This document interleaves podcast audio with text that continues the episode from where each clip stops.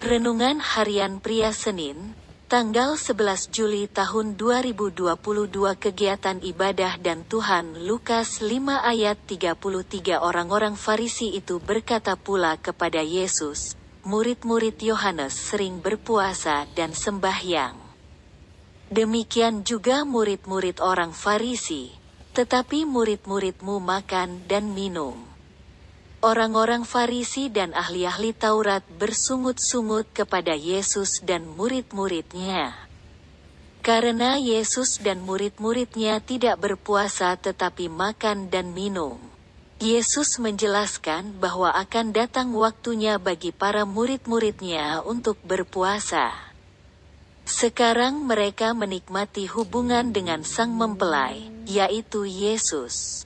Dalam kisah ini, kita juga dapat belajar mengenai kegiatan agama dan hubungannya dengan Tuhan.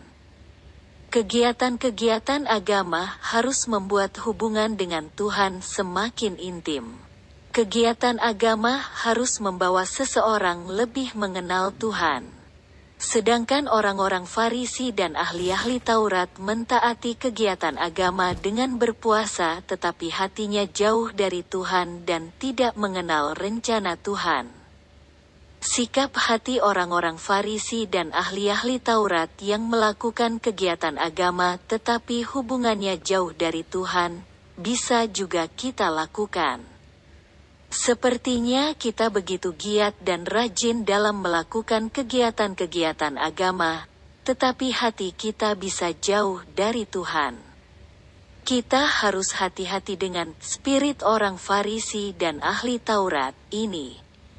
Jika tidak, maka semua acara kegiatan agama yang kita lakukan tidak akan membawa kita semakin mempunyai hubungan yang intim dengan Tuhan.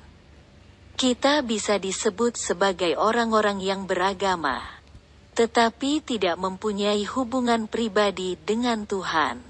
Jadi lakukanlah setiap kegiatan ibadah Kanan, untuk membawa kanan. kita semakin dekat dengan Tuhan, mengenal hati dan rencananya. Refleksi diri. Apa yang firman Tuhan katakan kepada Anda? Bagaimana kehidupan Anda dengan firman Tuhan itu? Catat komitmen Anda terhadap firman Tuhan itu. Doakan komitmen Anda itu, pengakuan iman. Dengan pertolongan Tuhan saya melakukan setiap kegiatan ibadah untuk semakin membangun hubungan intim dengan Tuhan.